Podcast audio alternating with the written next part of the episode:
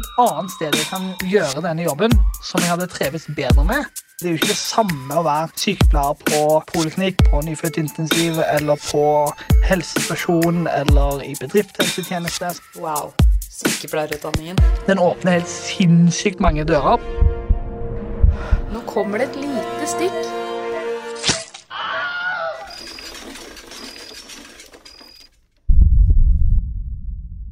Velkommen til en ny episode av Hjelp, jeg er sykepleier. Hva tenker dere når jeg sier ordet sykepleierstudent? Mange vil nok tenke følgende i sitt stille sinn. Ung, kvinne, uerfaren i yrkeslivet, rett fra russebussen. Ja, dette er jo stereotypiske forestillinger for den typiske sykepleierstudenten. Gjesten jeg har med i studio i dag, heter Camilla Thoresen, så ja, det er en kvinne, men hun er verken uerfaren innen yrkeslivet eller rett fra russebussen. Denne kvinnen har flere års erfaring innen journalistyrket, ja, helt tilbake fra 2005, faktisk. Og hun har jobbet med både krimjournalistikk, og hun har jobbet på Color Line. Jeg er veldig nysgjerrig på hvorfor Camilla valgte å ta en helt annen yrkesretning i en alder av 46. Så sier jeg bare Camilla, velkommen til studio! Tusen takk for at jeg fikk komme. Det er så hyggelig å være her. Jeg har jo fulgt podkasten din lenge. Ja, du er fast følger. Ja, Jeg har lagt merke til deg. Ja, det er en nydelig podkast. Jeg har lært mye. Eh, Du har hatt veldig fine gjester, veldig stor variasjon, og du er jo så flink med gjestene dine. Du har forberedt deg godt, og du burde jo vært journalist. Jeg har tenkt litt på det, at det kunne det vært et yrke jeg hadde fungert i, men eh, da hadde jeg sikkert bare hatt lyst til å jobbe som sykepleier igjen. Ja. Går an å prøve? ja, ellers så har jeg jo podden, da, så det er jo litt sånn ish-journalistikk innimellom i hvert fall. Mm. Skal vi kjøre på med tre kjappe? Det kan vi gjøre. Ja. Hva fikk deg til å velge akkurat sykepleierutdanningen? Det er mange grunner til det. Altså, jeg begynte å tenke på det så smått i 2015. Ja. Eh, Da hadde jeg vært midlertidig og delvis arbeidsledig noen år, så jeg begynte å tenke på om jeg kanskje skulle gjøre noe annet. Så den utdannelsen eh, Det er jo en relativt kort utdannelse som åpner veldig mange dører. Du kan jo få veldig mange forskjellige jobber Mm. med en sykepleierutdannelse, men eh, da turte jeg ikke helt å ta spranget. Jeg tenkte at jeg ikke var smart nok. Jeg har aldri vært spesielt god på skolen. Jeg er sånn treer-firer-ish. Eh, Og så var det det å få mer studielån som også skremte meg litt fra det. Eh, Så det tok noen år eh, før jeg landa på det, og i løpet av de årene så rakk jeg å utforske yrkene, eller snakket mye med folk jeg kjente som var sykepleiere. Jeg så hvor mye jeg kunne gjøre. Jeg fant ut etter hvert at dette er noe jeg tror jeg kan bli god på. Eh, Jeg leste meg opp på utdannelsen, som virket veldig interessant og variert. Jeg får lære om menneskekroppen, er jo helt fantastisk. Eh, Hva den faktisk får til. Eh, Men i mellomtiden så ble jeg utbrent to ganger, og de kom også med et krav om eh, treer i matte og nynorsk, så jeg Mm. måtte jo ta opp både matte og nynorsk. Så det var jo et løp over flere år. Er det krav i nynorsk? Unnskyld at jeg avbryter deg, men er det krav i nynorsk for å bli sykepleier? Ja, Ja, men kjære venn, norsk skjønner jeg, for det er greit å kunne språket, men nynorsk, altså Ja, Herregud, da. toeren, min i nynorsk, den var ikke god nok, så 2020, våren 2020, så var jeg permittert. Eh, Så jeg satt hjemme og pugga nynorske verb og diktanalyse og novelle... Kjære ja. Altså, det er mye, tenker jeg, man kan liksom sette krav med til dette yrket med nynorsk. kom Come on. Ja, Ja. og med det så tenker jeg vi tar neste spørsmål. Ellers så begynner jeg bare å rulle videre på Ja, den ballen. det er en annen samtale. Hva er din definisjon av hva sykepleie er? Herregud, eh, sykepleie er jo et enormt spenn. Det er jo alt fra å tømme søppel og re seng og ta seg av folk som ikke klarer å ivareta seg selv. Eh, Det er å bidra til at folk blir friske igjen. Eh, Det er så mye. Jeg merker jo det Ja. nå som jeg er student, at det er alt fra puggeknokler til å re senger og ta blodtrykk og Ja, det er ganske helhetlig. Ja, det er vanskelig Det- å komme med en presis definisjon, syns jeg. Ja, altså alle sånne sykepleierteoretikere har sin egen definisjon, men Mhm. hvis man går på WHO, så er det sikkert en eller annen definisjon man kan lese opp der. Eller så Mhm. kan man alltids bare svare eh, ivareta grunnleggende behov. Ja, det men det er gøy å spørre folk hva deres definisjon er, for alle sier litt forskjellig. mm. ja, men Det kommer sikkert litt an på hva slags jobb du har også, hvor innenfor sykepleie du jobber, om du jobber på en legevakt eller eh, barselavdeling eller eh, psykiatri eller mm. Jeg har så lyst til å ta sånn der fem på gata, og bare, jeg må skaffe meg en sånn ordentlig proffmikrofon da. mm. Og bare sånn, hei, hva forbinder du med ordet sykepleie? Nå skal Ja, jeg bare se hva folk svarer. Om Ja. det er rumpetørking eller om det er respirator, liksom. ja. Folk har forskjellig syn Mm. på oss sykepleiere. Hva de tror vi driver med. Mm. Ok, Hvilken utdanning ville du valgt hvis ikke sykepleierstudiet? Hvis jeg skulle begynt med noe annet i dag, så tror jeg ikke jeg ville hatt med studielån, så da ville jeg Jeg ville blitt cabincruise, i SAS. Ja. Ja, fly. Ja, Ja. why not? Mm. Ok, Camilla, jeg vil gjerne høre litt om deg. Om journalistyrket ditt, jobberfaring og ja, hele historien, egentlig. Mm. CV-en min? Ja, Ja. få høre. Eh, journalistikk er vel noe jeg nærmest er født inn i. Faren min er jo journalist. Eh, så jeg var jo med ham på jobb helt fra jeg var liten og ble veldig fascinert av den verden der, særlig desken der hvor de lager papiravisen, syntes jeg var kjempespennende, så jeg fikk sitte der og tegne avissider og sånn helt fra jeg var liten. Eh, Så det var jo en veldig naturlig vei inn. Eh, Jeg visste ikke om så mange andre yrker, jeg hadde ikke lyst til å ta høyere utdannelse, jeg var ikke så veldig glad i skole.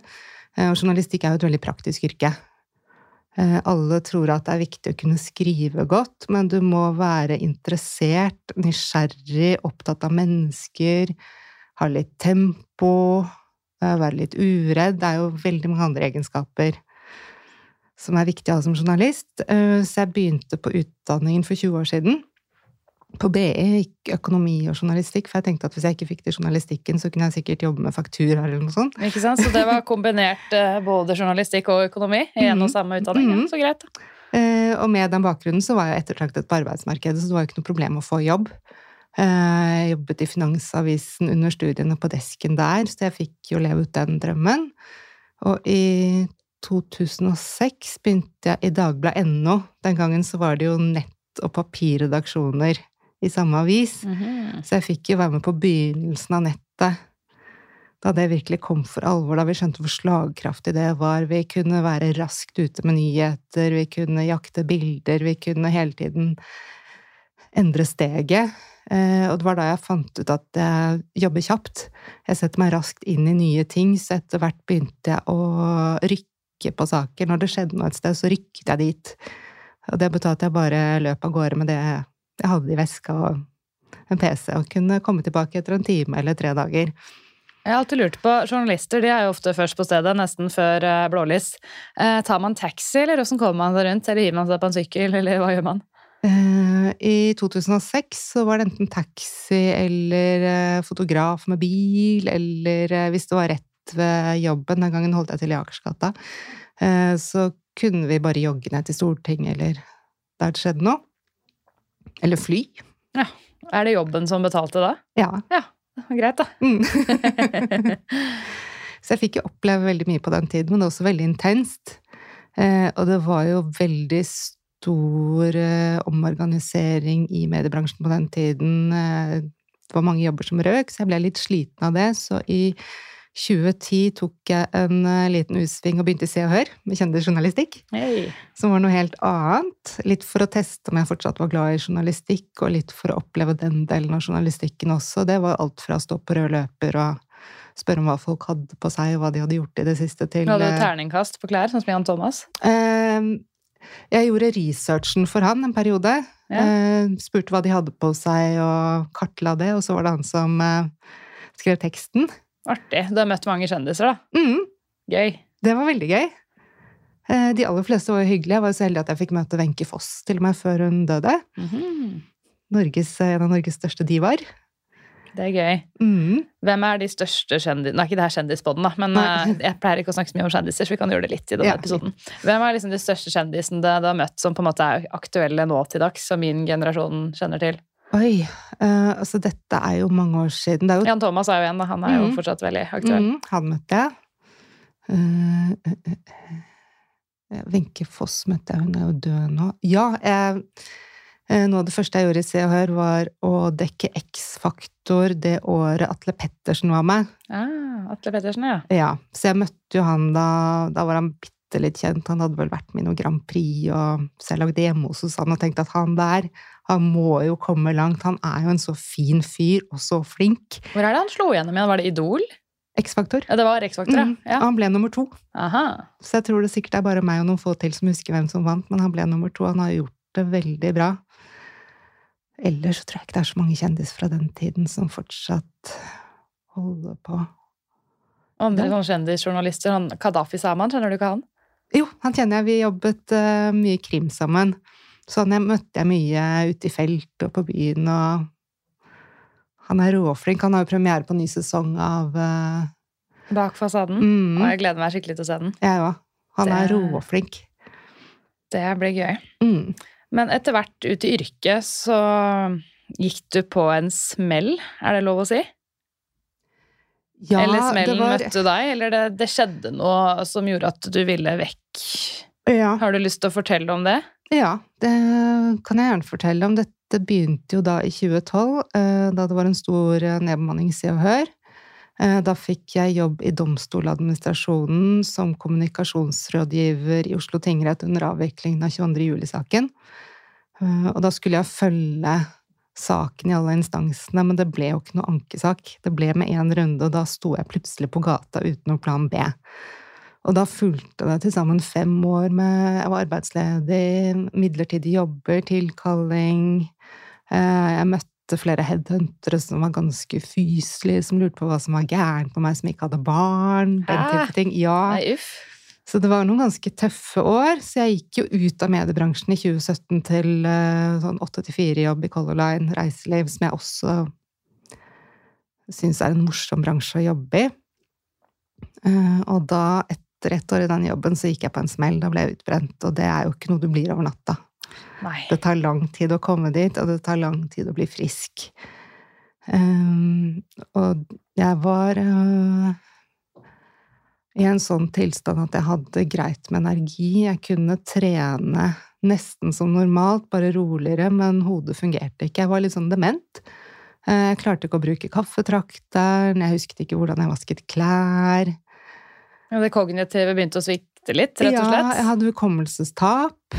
Um, så det var jo Det tok jo tid å prøve å komme tilbake i jobb, og når du får den type sykemelding, så er det ganske stort press for å komme tilbake fort, og det tar også lang tid å få behandling. Uh, jeg ble sykemeldt i midten av november 2018, jeg kom vel ikke til psykolog før april. Ja. Ja, Det- det tar lang tid. Ja, Eh, var det DPS? det var DPS. Ja, jeg også har vært i systemet, og herregud, det tok lang tid. Mm. Og så når jeg endelig fikk en psykolog, så var det sånn Nei, du kan ikke få den likevel, du må bare vente mer. Så jeg bare Vet du hva, det kan dere bare drite i, nå Mm. gidder jeg ikke mer. Nei. Jeg ble skikkelig sånn forbanna. Ja. Og da bare Ja, da velger du selv hvis du sier nei. Jeg bare Ja, nå gidder jeg ikke mer, dette er deres feil, ikke min. Og da ringte de opp. Jeg bare Hei, jeg fiksa en ny til deg nå. Ja, fint. Da, ok, jeg får gi det et forsøk. Ja, det er, eh, jeg hadde en annen fastlege da, så jeg måtte skrive søknad og begrunne hvorfor jeg mente jeg trengte behandling. Kjære vene, du klarer ikke å bruke kaffetrakteren lenger. Da Ja. Hvordan skal du klare å jobbe da? Liksom? Ja, hvordan, hvorfor skal jeg begrunne hvorfor Er det ikke legen mener- som skal begrunne det, da? Jo, jeg trodde det. Ja.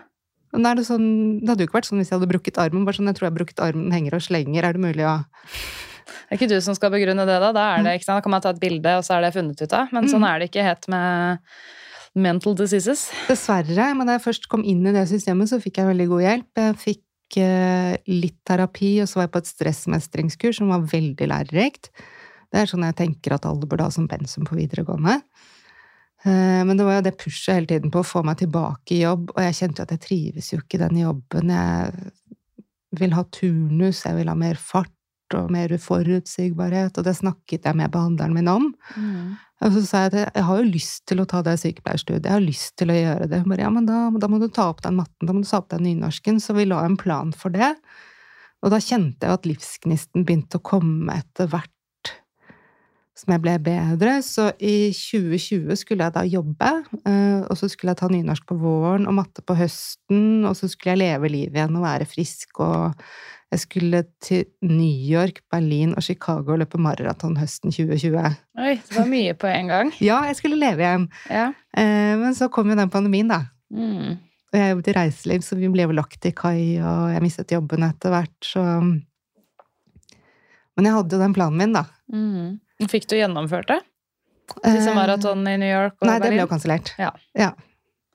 Rett og slett. Ja. Men du mista jobben. Mm. Ja, hva gjorde du da? Eh, Da satt jeg hjemme og tok opp fag for å få høyt nok snitt til å komme inn i Oslo, sånn at jeg kunne beholde leiligheten min. Så jeg hadde jo for så vidt noe å gjøre. Men sånn økonomisk hadde du en buffer som du kunne leve av? Mm, den forsvant. Ja. Den ble borte. Men jeg tenkte at det er verdt det for å få noe å gjøre, og for å få oppfylt den drømmen. Så får jeg heller bare se hva som skjer. Og i mars 2021 så fikk jeg et jobbtilbud som jeg tenkte at jeg får bare ta det, for jeg trenger å tjene penger. Eh, Og se om jeg kommer inn til sommeren eller ikke. Og jeg fikk ikke studieplass i Oslo den sommeren. I stedet så fikk jeg ganske store bivirkninger av koronavaksinen. eh, Og jobbet veldig mye, så jeg gikk jo i bakken igjen på nytt høsten 2021. Og den gangen så var det mm, Da var jeg utbrent, og det var mye mørkere. Jeg Ja, det var enda verre denne gangen. det var mye, mye, mye verre, for da hadde jeg brukt alle de teknikkene jeg lærte sist, men det var ikke nok. Eh, Og det var ganske tungt. Jeg trakk meg veldig inn i meg selv. Jeg ville ikke snakke med noen om det. Jeg ville egentlig ikke leve. Oi, Jeg ville bare slippe alvorlig. alt. Ja. Mm. Mm, Men jeg fikk jo hjelp, da, av han nye fastlegen min, som var helt nydelig. Og så hadde jeg jo det håpet og drømmen om å få en studieplass. Eh, Sånn at da jeg fikk den studieplassen i fjor sommer, så tenkte jeg litt og bare skal jeg gå tilbake til en jobb jeg ikke ønsker, eller skal jeg bare gripe den muligheten? Ja, for fikk du noe støtte fra liksom ledelser eller kolleger i den jobben du var i da? Jeg isolerte meg veldig. Ja. Eh, Og jeg begynte jo i den jobben på hjemmekontor. Mm. Så jeg ble aldri kjent med kollegaene mine før jeg ble syk. Jeg ville ikke blande de inn i min sykdom. Nei. Jeg syntes det var vanskelig å snakke om. Ja, det er jo det, når det er hvert fall sånn type usynlig sykdom, da. Mm, Det er kjempevanskelig, for man ser jo ikke syk ut, ikke sant? Nei, og det har jeg fått høre. Ja, alle, til og med jeg får høre det, selv om jeg hadde nesten influensa. Men du ser jo ikke syk ut. Nei, ser man, folk med kreft ser heller ikke spesielt syke ut Nei. før de plutselig ligger der og er daudsjuke. Ja. Altså, de færreste som har en eller annen sykdom, ser syke ut før de er eh, skikkelig underernærte eller anemiske. på en måte. Mm, mm. Så jeg syns nesten vi skal legge den død med å si du ser ikke syk ut, fordi det er det ganske mange som ikke gjør. Ja, jeg ble litt overrasket da jeg fikk høre det. Jeg bare, er vi fortsatt der? At Ja, folk ikke skjønner at det går an å være rød i kinnene og veldig det er mye fordommer mot det der at man skal se syk ut versus ikke se syk ut. Da kan jeg anbefale å høre på podkasten til min venninne Kine Albrigtsen som heter Også pasient. Mm. Den handler om usynlig sykdom, så Mm. den kan jeg anbefale. Hvis det er Mm. noen som ja, trenger å hva skal jeg si, ja, høre episoder om folk som kanskje har vært gjennom det samme som en selv. Mm. For det er jo ikke sånn at hvis du er utbrent eller har en depresjon, så går du jo ikke rundt i samme joggedressen i tre uker uten å vaske håret. Jeg merket at jeg skjulte det, at jeg ikke følte meg bra ved å sminke meg mer og ta på meg litt finere kjoler og pynte meg mer. Ja, noen gjør jo det. Mm. Mm. Nei, så det er vanskelig, vanskelig det der, altså. Mm. I hvert fall hvis man er i en jobb hvor man ikke kjenner kolleger så godt. Det sitter jo langt inne og plutselig bare Hei, jeg er deprimert, jeg, eller hei, jeg er utbrent, jeg. Mm. Ja, jeg ser den. Men du kom jo inn på sykepleierstudiet, da. Det gjorde jeg. Jeg kom inn på VID, Ja. eh, som var andrevalget mitt. Jeg var, eh, hadde Lovisenberg som førstevalg. Ja, det var der jeg trodde det gikk. Ja. og det var der jeg egentlig ville gå. Jeg var på åpen dag der i fjor, og det var da jeg virkelig fikk sånn push til å bli sykepleier. Og? Mm, Ja. Hilse på andre studenter og se hva de gjorde. og det var veldig motiverende, så det anbefaler jeg alle som er nysgjerrige på. Men VID, er det den som tok over for det som het Diakonova før? Ja, det ligger på, Skolen ligger rett ved Diakonhjemmet sykehus, inne på Ja. sykehusområdet. Ikke sant? Da, da er det den. Mm. Og du begynte der eh, sommer slash høst 2022, stemmer det? Mm. Så det har nå gått et halvt år. Ja. ja. Hva var dine tanker og forventninger til sykepleierutdanningen egentlig før du begynte? Du sa jo litt i stad hva du tenkte om yrket, men hva tenkte du liksom om selve utdanningsløpet, studiet, da? Det jeg tenkte mest på, var jo den anatomien, da.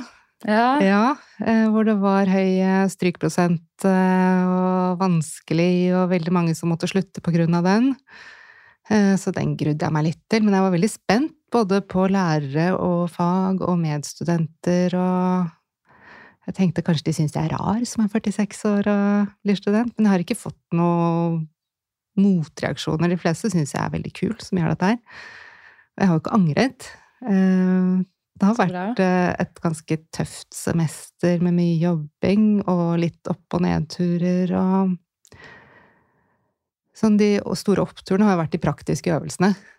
Ja, der koser du deg. Åh, jeg har sett noen bilder av deg. Smiler du som en sol. Åh, det er, eh, det er veldig avslappende, og etter å ha pugget anatomi et par dager, så er det helt nydelig å re en seng, eller kroppsdel, eller måle blodtrykk, som jeg syns var helt fantastisk. Ja, manuelt, da. Den, Mm. ja. ja, det å høre lyden av et annet menneskes liv rett gjennom stetoskopet, da tenkte jeg at nei, ikke journalisten mer nå. Og sånn gjør vi jo nesten aldri i praksis, å bruke elektriske.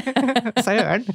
Men jeg lærte at eh, pasienter med sånn artery-flimmer, at da er det best å, å gjøre det på den måten. Men jeg vet ikke om folk faktisk gjør det i praksis. Men uh, i alle akuttrallene på jobben da, så har vi i hvert fall det i skuffen der. Ja. Det, er, det er til stede. Ja. Men den anatomieksamen som du grudde deg til, eh, hvordan gikk den da? Jeg venter fortsatt. Og du har ikke fått svaret nå? Ja, vi skulle få det på torsdag forrige uke, men de har utsatt det med en uke. Nei, så kjedelig. Ja, så jeg har nok stått Jeg vipper mellom to karakterer, så jeg blir jo veldig lei meg hvis jeg vipper ned. Men tror du du har bestått? Ja. Ja, Jeg blir jeg. veldig overrasket hvis jeg ikke har stått. Det ser ut som du har jobba hardt med den, sånn jeg har sett på Instagram og sånt. Ja, jeg har forberedt meg godt. Jeg glapp litt eh, på oppløpet fordi jeg ble syk de to siste ukene før eksamen, men jeg reddet meg jo fordi jeg hadde forberedt meg godt og hadde god struktur fra dag én. Ja, hvilke teknikker har du brukt for å liksom studere? For å holde det gående? Jeg har eh, laget eh, planer og oversikter, sånn at jeg alltid vet hva jeg skal gjøre. I uken som kommer, så leser jeg pensum, gjør oppgaver, Medisi selvfølgelig, i anatomi. Ja, den er gull verdt. Ja, jeg så vel de videoene to ganger og har gjort alle oppgaver, og gamle eksamensoppgaver er veldig nyttig. Mm. Tegner du og sånt òg? Litt, men jeg er ikke noe tegner, altså. Nei, for det gjorde jeg mye. Jeg tegna det og ja, for å liksom få det litt un under huden. Mm. Men en ting jeg tenkte på, det er jo at du, du har jo vært utbrent ikke bare én, men to ganger. Mm. Og så velger du deg nå et yrke hvor ganske mange dessverre blir utbrent av, da. Mm. Har du gjort deg noen tanker om det? Ja, litt. Eh, det jeg trenger, er jo turnus. Du trenger turnus. Jeg det er også litt gøy, for de fleste syns turnus er forferdelig. Ja, jeg syns Og 8 til trenger- 4 er forferdelig. Ikke sant? jeg trodde jeg skulle like 8 til 4, men jeg syns det er så får man ikke en fin døgnrytme av det, da. Ikke nødvendigvis. Ikke Nei. før du sitter i senga og jobber klokka to om natta fordi du ikke får sove. Nei, men du må jo ikke gjøre det, da. Du må sove på natta. Jeg har nok fungert best i de jobbene hvor jeg har hatt turnus, og ganske harde turnuser. Ja, det er litt sånn fascinerende å høre, for de fleste som ja, blir utbrent som sykepleier, det er bare 'å nei, nå klarer jeg ikke nettet lenger', eller 'nå må jeg finne meg en dagtidsstilling', 'nå må Mhm. jeg få orden på livet', men, men eh, du er litt sånn omvendt. Mm, Det er interessant. mm. For da blir jeg flinkere til å legge fra meg jobben når jeg går. Når jeg logger av, så er det noen andre som kommer og tar over og gjør min jobb, så da får ikke jeg gjort mer. Ja, så er det den kunsten da, å faktisk klare å gå til tiden, og ikke ta med seg jobben hjem sånn i hodet, da, Mm. mentalt. Tenke på pasienten. Husket jeg å gjøre det? Husket jeg ditten og datten? Veldig mange ganger så er det noen som ringer tilbake og bare 'Hei, jeg husker ikke om jeg gjorde det. Kan du sjekke det? Kan du sjekke det?' Da sier jeg til kollegene mine 'Nå må du koble av. Nå er Mm. du hjemme. Vi har Mm. overtatt. Dette går bra'. Mm. Men jeg har selv vært en som har ringt ganske seint, midt på natta kanskje, og bare 'Hei, jeg glemte å si det.' Bare 'Helene, det går fint'. Ja, det er jo en kunst å lære Ja. seg det å koble av, for det å ha mye å gjøre på jobb, det er jo ikke farlig seg selv. Men hvis du ikke klarer å koble av, Mm. hvis du går og surrer og surrer og surrer, og du våkner om natta, husker jeg det, gjorde jeg det? Men noen ganger så er det like greit å bare ta den telefonen, for da vet Mm. man at da har man fått sagt det siste, og så Mm. får man høre at du, nå holder det, slapp av, dette Ja. går fint. Så Ja. ok, da har jeg gjort det jeg kan, nå legger jeg det fra meg. Ja, og jeg vil ha den telefonen fra en kollega, sånn at jeg kan sjekke framfor at hun går hjemme og er bekymret og ikke får slappet av. Mm. Alle vil jo det, tror jeg. Det er litt som å gå hjemmefra og lure på om du husket på å skru av komfyren. Mm. Ja.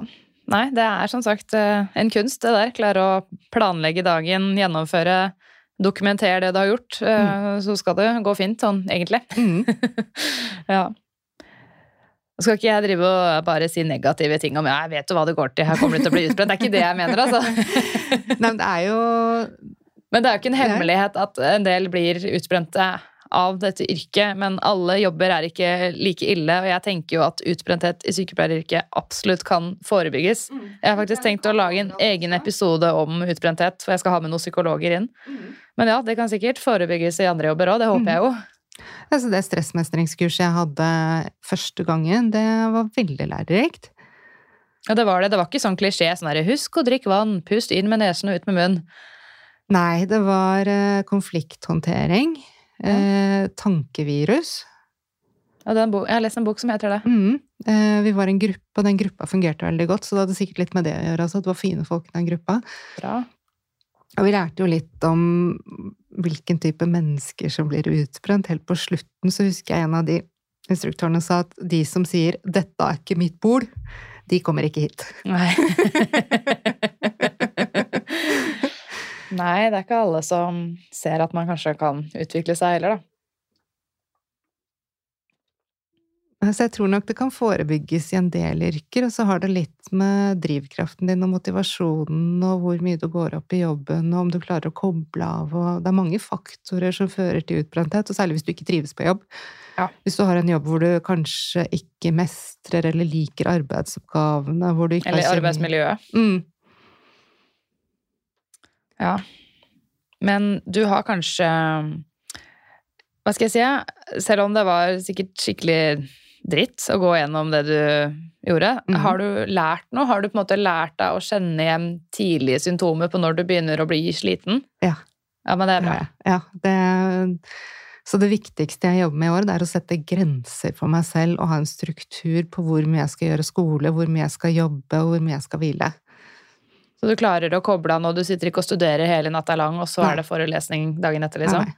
Ja, men det er bra å høre, Camilla. Camilla. Du har lært litt av det Åh, her. jeg klarer ikke dette en gang til. Det er helt uaktuelt. Nei, nå må du bare jobbe forebyggende med deg selv. Ja, nå er jeg jo der jeg skal være også. Nå er jeg et studie jeg trives i, jeg har fått en jobb jeg liker, så nå er det struktur. Så bra. Mm. Ja, og altså, det er som mamma pleier å si, ingenting er så gærent at det ikke er godt for noe.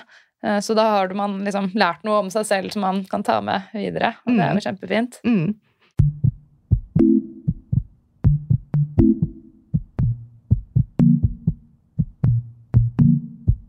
Men hva er dine tanker om sykepleierutdanningen nå, da, etter disse seks månedene?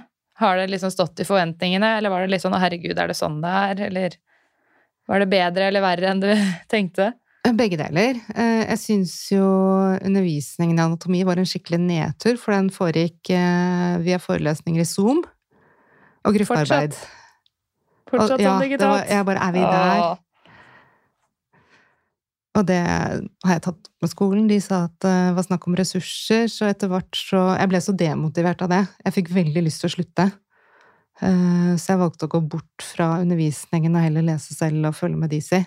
Ja. Eh, Og så begynte jeg å sende litt søknader for å se om jeg kunne få meg en jobb. For å møte studenter og kanskje Nei, pasienter. Og kanskje få litt motivasjon på den måten også. Se hva jeg kan bruke det jeg lærer på skolen. Ja, men det er jo ingenting ingenting som er bedre enn det. Nei. Bare komme seg ut i en jobb fortest Mm, mulig, egentlig. mm. Det er jo et praktisk yrke. Absolutt. Nei, sånn der digital undervisning, det var den forrige jobben min. Så var det noe sånn Zoom-undervisning jeg kunne se på det hjemmefra.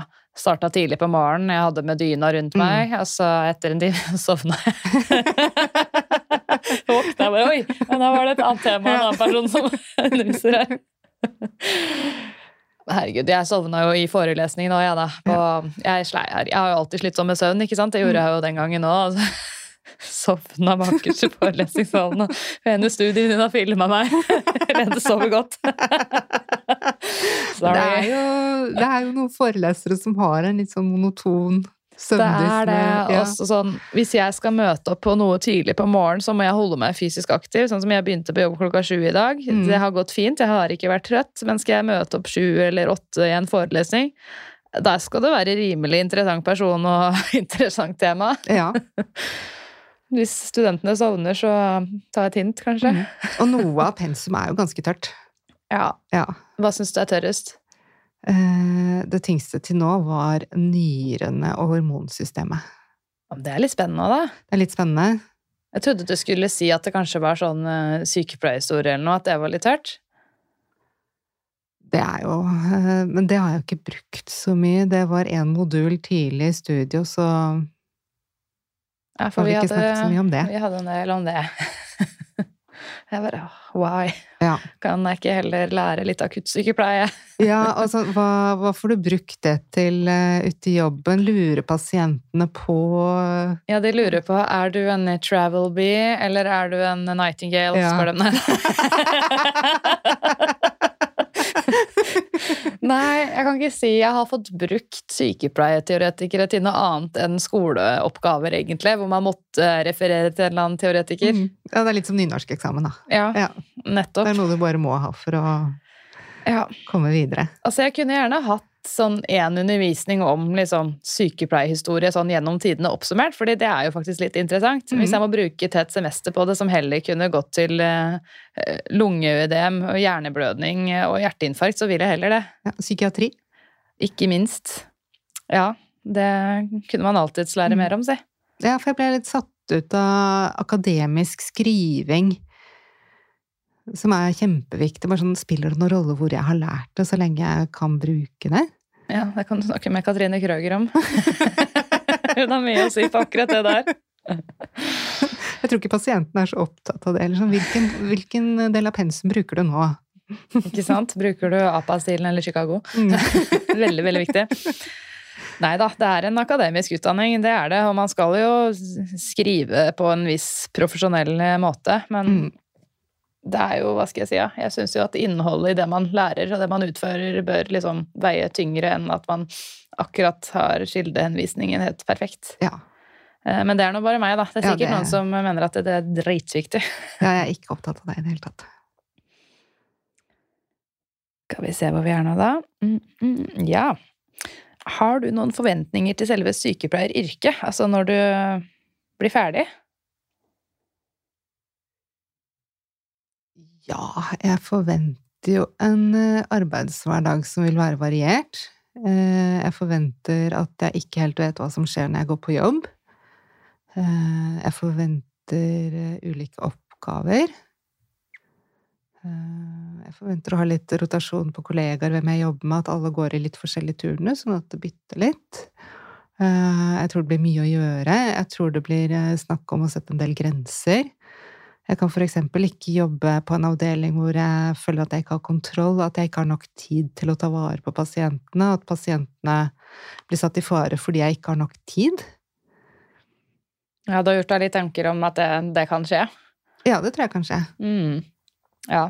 Ja, Det var jo sånn på lørdag. Når jeg jobba, sånn pleier jeg ikke å ha det. Men da var det sånn Jeg starta vakta med å si til i hvert fall den ene pasienten at i dag blir det en litt annerledes dag. Vi er Mm. ikke så mange på jobb som vi pleier å være, så hvis Mm. du ringer på, så kan det hende det tar litt lengre tid før jeg kommer enn Mm. vanligvis, men jeg skal prøve så godt jeg kan. Mm. Men, men det gikk greit, da. Vi fikk gjort det vi skulle, så å si. I hvert fall det viktigste.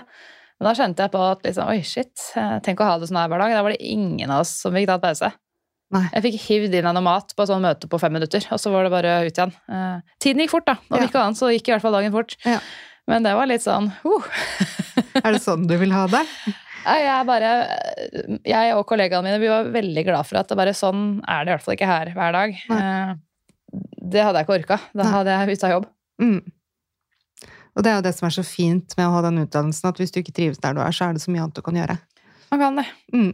Takk og lov. Mm. Men ja, du har jo fått din første jobb i helsevesenet som vikar. Vil du si litt om den jobben, eller? Ja, jeg kan si litt. Jeg er jo helt ny. Jeg har jo hatt tre opplæringsvakter. Ja. Eh, Ikke noe vanlig vakt ennå, men jeg jobber på sengepost i psykiatrien. Eh, Og det fagfeltet sto eh, omtrent øverst på lista sånn hvis jeg kunne valgt fritt.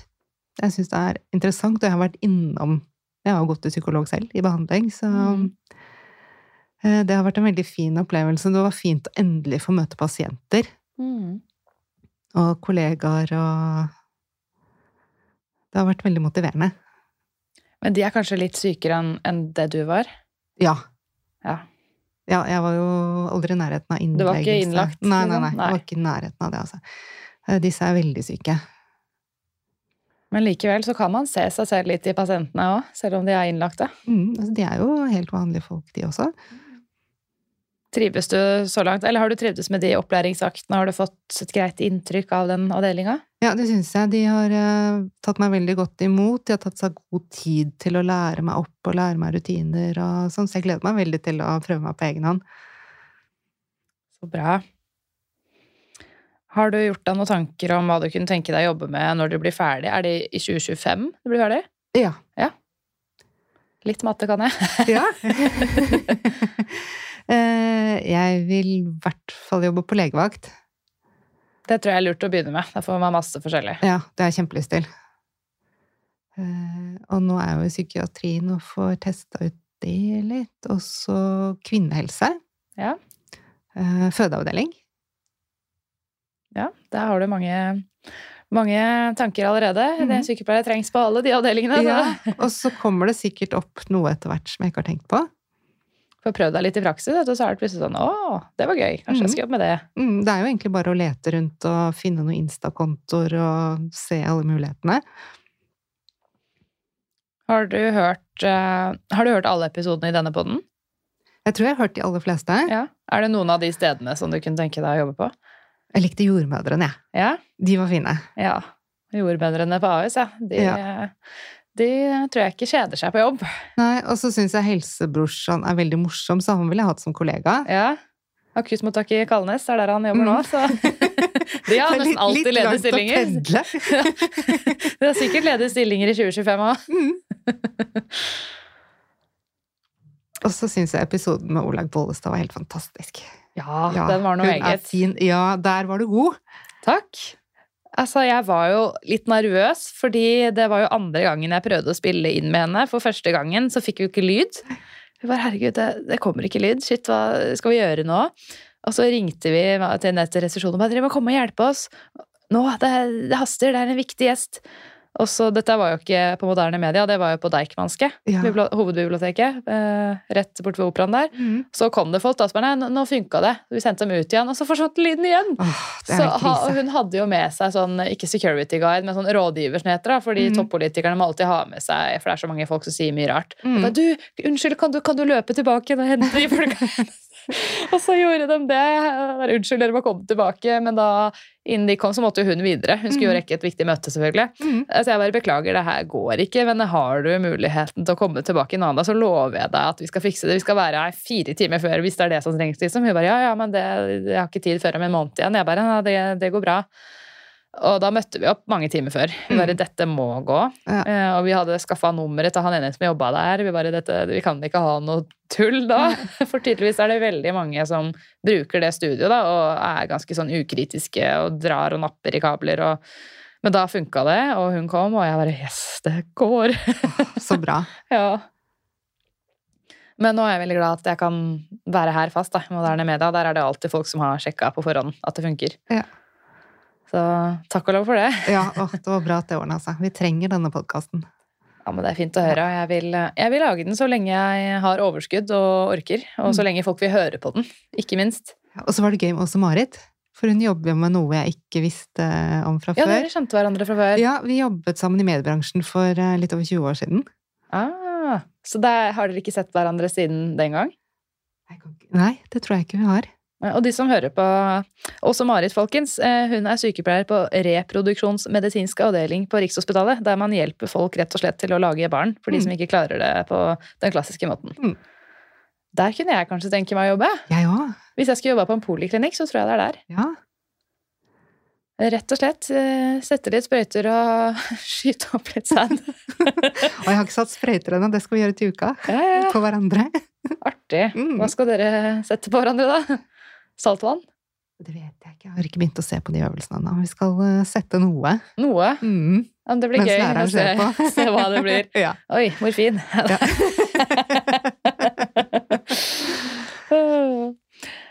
Men Camilla, er det noe mer du vil si før vi begynner med Q&A? Ikke som jeg kommer på. Nei? Nei, men da kjører vi, da. Da kjører vi. Ja. Hvordan er det å ta sykepleierutdanningen i voksen alder, og kommer du inn i studiemiljøet? Du sa jo litt om det i stad.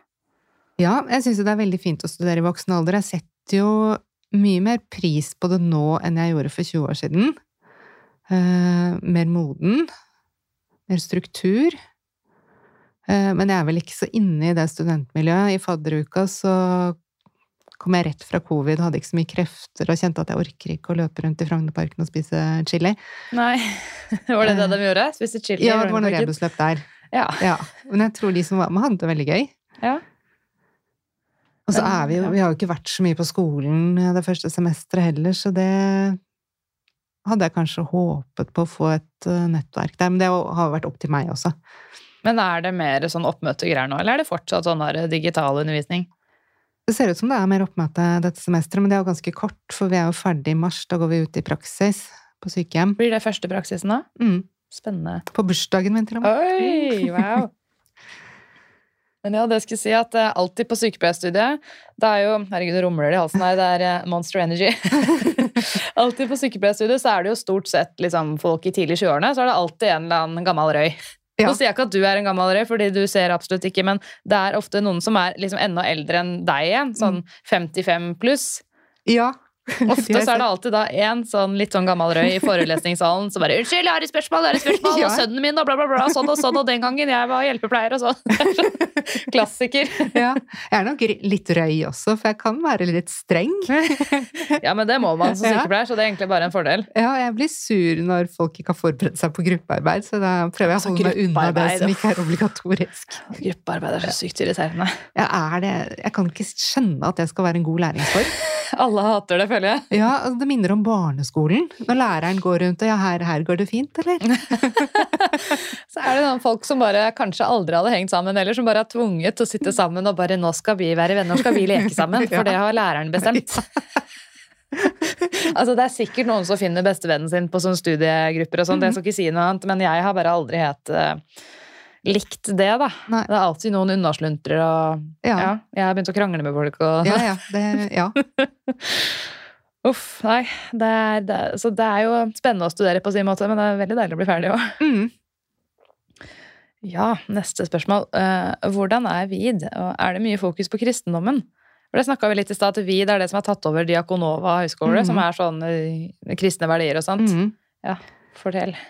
Oh, nei, det er vel ikke sånn at lærerne velsigner oss før vi skal måle blodtrykk? Har dere gudstjenester og sånt? Jeg tror det er noen gudstjenester der, Ja. Eh, men det er, jeg tenker ikke over det i det daglige at jeg går på en kristen skole. Måtte du skrive under på noe sånn 'jeg har sånne verdier', bla, bla, bla, før du begynte der? Ikke som jeg husker. Kanskje jeg har gjort det? Jeg leste ikke, det var jeg agree, agree, agree. Jeg hadde covid, jeg lå rett ut da jeg søkte om studielån og alt det der, så det Jeg tenker ikke noe over det i det hele tatt. Jeg syns det er fint at skolen ligger på et sykehusområde, sånn at jeg kan gå forbi et sykehus til og fra skolen og virkelig føle at jeg er i miljøet. Ja, For det ligger ved siden av Diakonhjemmet sykehus? sykehus? Hvor er det det ligger hen? Hvor i Oslo? Eh, Det ligger rett ved Borgen stasjon. Og Borgen, det er ikke så langt unna Majorstuen, ikke Nei, sant? det er Så det er liksom Oslo vest, Ja, det er vel fem minutter å gå til Majorstua cirka. Ja. Men greit sted, det, da. Mhm. Det er vel ikke så langt unna der du bor heller? Nei, det er tre stopp med banen, så det er jo helt uh, nydelig. Så greit, da. Det er en fin skole. Jeg liker lærerne godt. Særlig de vi har hatt i grunnleggende sykepleie. De har jo mange års erfaring som sykepleiere og lærere, så de har trygget oss veldig. Og de er nøye på at vi tar vare på oss selv. Og det har vært veldig fint. Så bra, fordi mm. vi lærte ikke så mye om eh, egenomsorg. Det ble vel nevnt at husk å passe på dere selv og da, drikk vann. Men det var vel det. Og nei, det er mer sånn hvis vi kommer i situasjoner på jobb, så da går dere ut av rommet og kommer tilbake. Ja, men så bra, da. At det er Mm. litt fokus på det. Ja, etter er det vel, øvelsene så får vi beskjed om å gå hjem og spise god mat, for nå har vi jobbet hardt, så det har vi fortjent. Så bra. Ja. Og så er det vel også en del videreutdanninger man kan ta på VID, helsesykepleie blant annet. Ja, det tror jeg. Jeg kjenner noen som har tatt helsesykepleie der. Mm. Skulle du ønske at du tok sykepleien tidligere i livet, eller er du fornøyd med alt du har opplevd? Er det noen som spør. Det er et uh, stort spørsmål. Jeg vet jo ikke hva som hadde skjedd hvis jeg hadde tatt det valget i 2015 og begynt da. Nei. Eh, Men jeg jo, eh, når jeg tar sånne typer valg, så tar jeg alltid valg ut fra hva jeg vet. Eh, Og jeg tror ikke jeg vil Jeg angrer ikke på noen av de valgene jeg har tatt så langt. Jeg angrer kanskje på at jeg burde fulgt magefølelsen min mer et par ganger.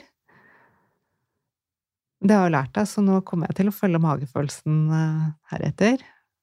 Uansett hva som har skjedd i, fra, i, i fremtiden, sier jeg. I fortiden. The past is the past. Mhm. Living for the now, er det ikke sånn da? Ja. Altså, jeg tror det var greit å begynne. Nå har jeg jobbet hardt for det, så nå setter jeg virkelig pris på å være student. Ja, man setter kanskje litt ekstra pris på det når man har jobba hardt for å komme inn på noe. Ja, når du er 44 år og tar nynorskeksamen, så Jeg skulle egentlig ikke kommet inn på sykepleien, fordi jeg hadde Altså, vitnemålet mitt hadde tydeligvis ikke blitt sendt. Oi. Så jeg, eh, jeg kom ikke inn på noen ting. Jeg bare Hæ?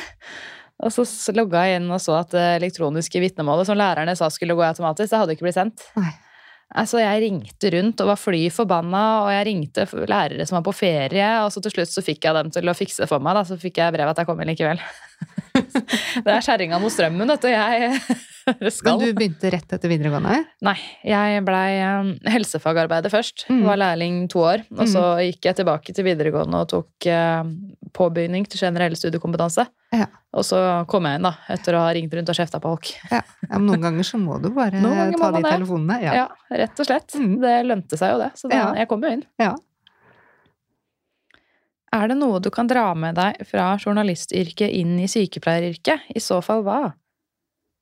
Ja, eh, det er faktisk en del. Eh, Som journalist har jeg møtt mennesker i alle mulige situasjoner, både kollegaer og eh, ute på jobber, som kan være sinte, de kan være i sjokk, de kan ha opplevd noe fælt, de kan være glade. Eh, Det kan være kollegaer som har vært lenge ute i felt og er sure fordi de ikke får saken sin fort nok på forsida eller høyt nok opp. Eh, Når vi gikk vakter, så var det jo en vaktansvarlig som la opp dagen og planla, og fordelte oppgaver. Eh, Og når vi gikk fra jobb, så var vi ferdige, i hvert fall turnusjobbing. Og mye av jobben som journalist er jo å omgås mennesker, og prøve å skape tillit så fort du bare kan. Du er ikke menneskesky. Nei, men jeg kan bli sånn hvis jeg har eh, jobbet med mennesker en hel dag, så er det deilig å komme hjem og være litt alene. Å ja, ja, ja. Mm. Believe me, det er, Ja. det er deilig. Løpe en lang tur, for eksempel. Det Ja. er kjempedeilig. Nei, man trenger å koble av litt. Mm. Hva er det beste, og hva er det verste med sykepleierstudiet, syns du? Vel kanskje vært inne på, men det verste er gruppearbeid. Ja, Det er fy! definitivt. ja. Og det beste er nok de øvelsene. Mm. For det er en god stemning, og det er gøy.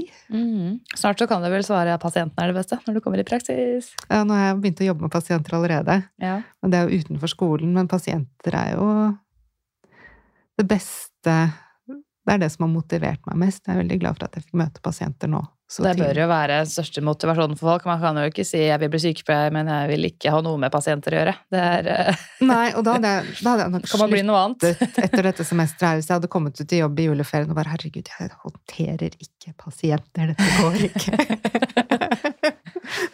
Nei, det er jo noen som sier sånn eh, hvis man blir lei av våkne pasienter, så kan man bli eh, anestesisykepleier eller operasjonssykepleier. da er de stille. Da er de stille. Jeg hørte at det går an å ta spesialisering som obdusent også. Som sykepleier? Ja, Ja, Det har jeg ikke hørt om, men altså, det går jo sikkert an. Det blir jo litt som å være altså, sånn, eh, operasjonssykepleier. da, Mhm. Bare at pasienten er død, mm -hmm. ikke levende. mm. Ja. ja, nei, det er jo det, Kanskje jeg må lage en episode om det òg. ja, ja det må du. Ja, det er ikke grenser for hva som kan komme inn i denne poden.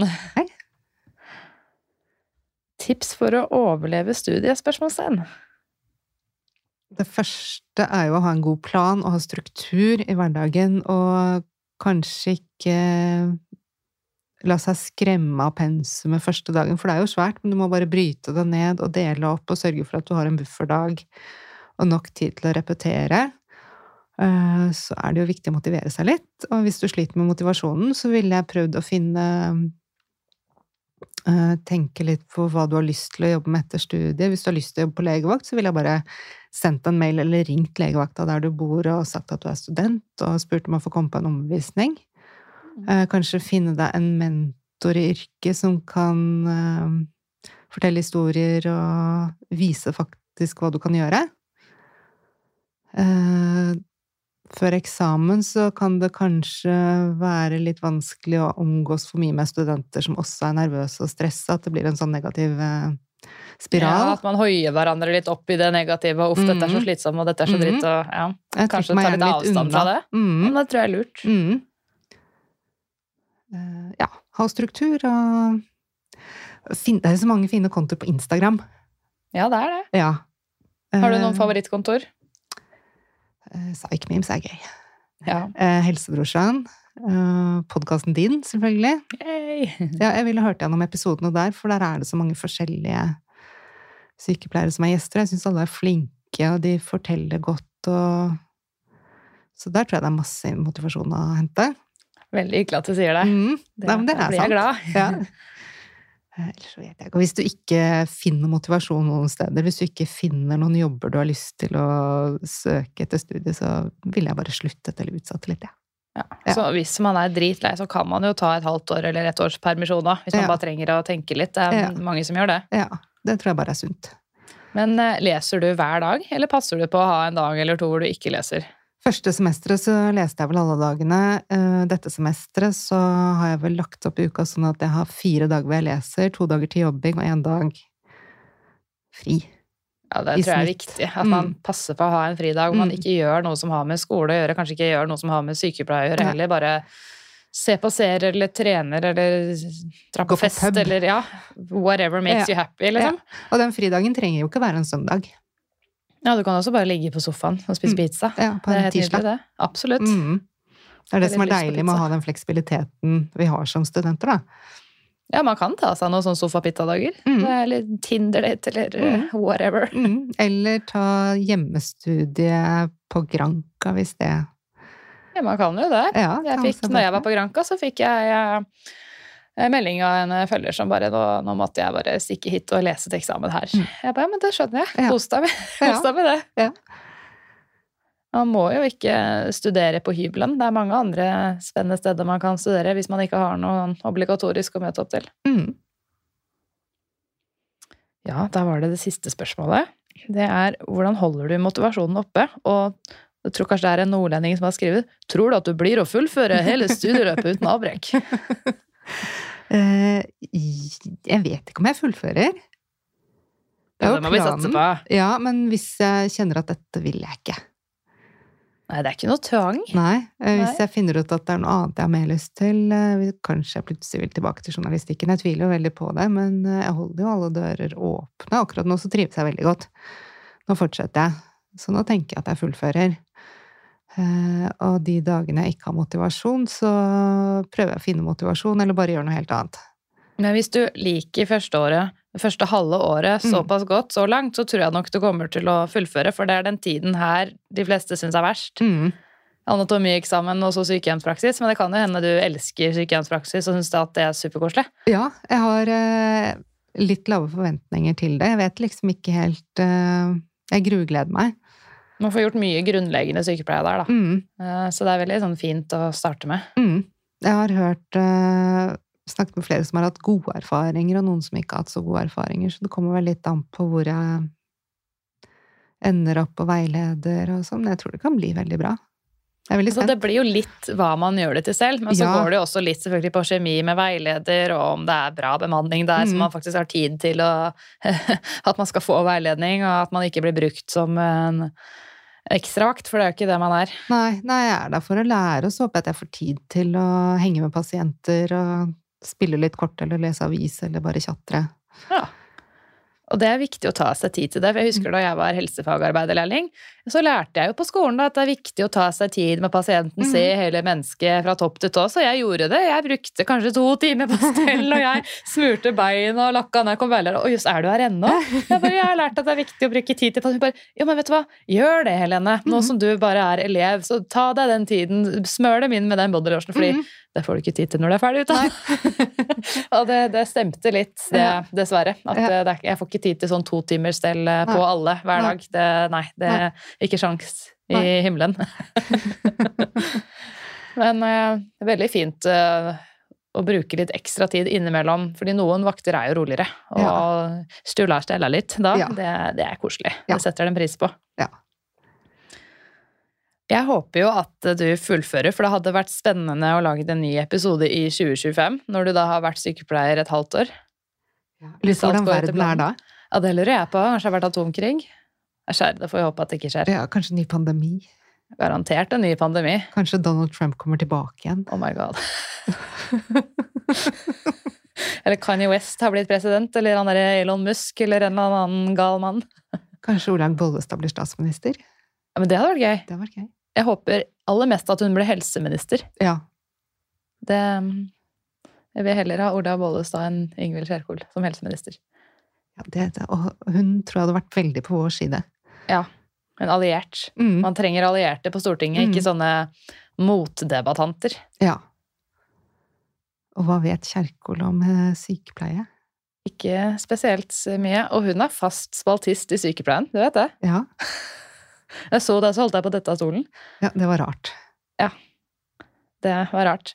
Det kom inn noen flere meldinger til deg på min Instagram, hvor Mm. folk sa sånn Drittøft, alt du har vært igjennom, og at du står så på. High five til deg, har noen skrevet. Og andre har skrevet. Det er nydelig å være voksen student, jeg er det selv. Stå mm. på videre. High five. Mye, mye sånt. Så folk heier på deg, Camilla. Og det Det jeg òg. Takk! Vi heier masse på deg, alle sammen. Og det blir veldig spennende å følge deg videre.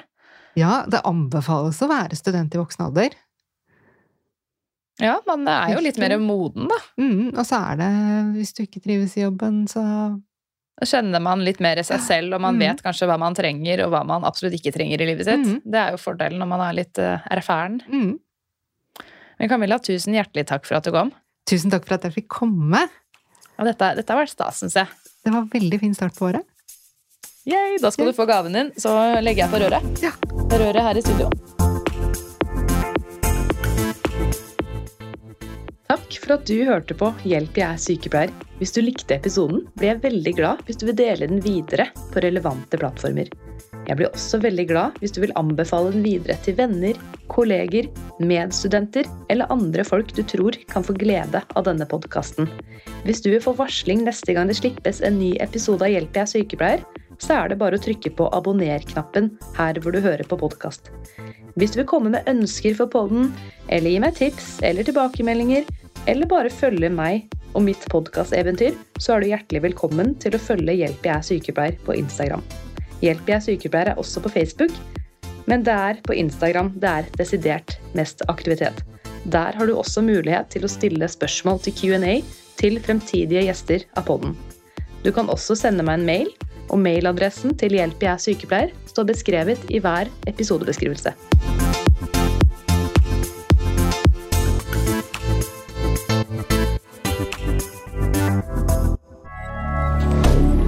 Moderne media. Har du et enkeltpersonforetak eller en liten bedrift? Da er du sikkert lei av å høre meg snakke om hvor enkelt det er med kvitteringer og bilag i fiken, så vi eh, gir oss her, vi. Fordi vi liker enkelt. Fiken superenkelt regnskap.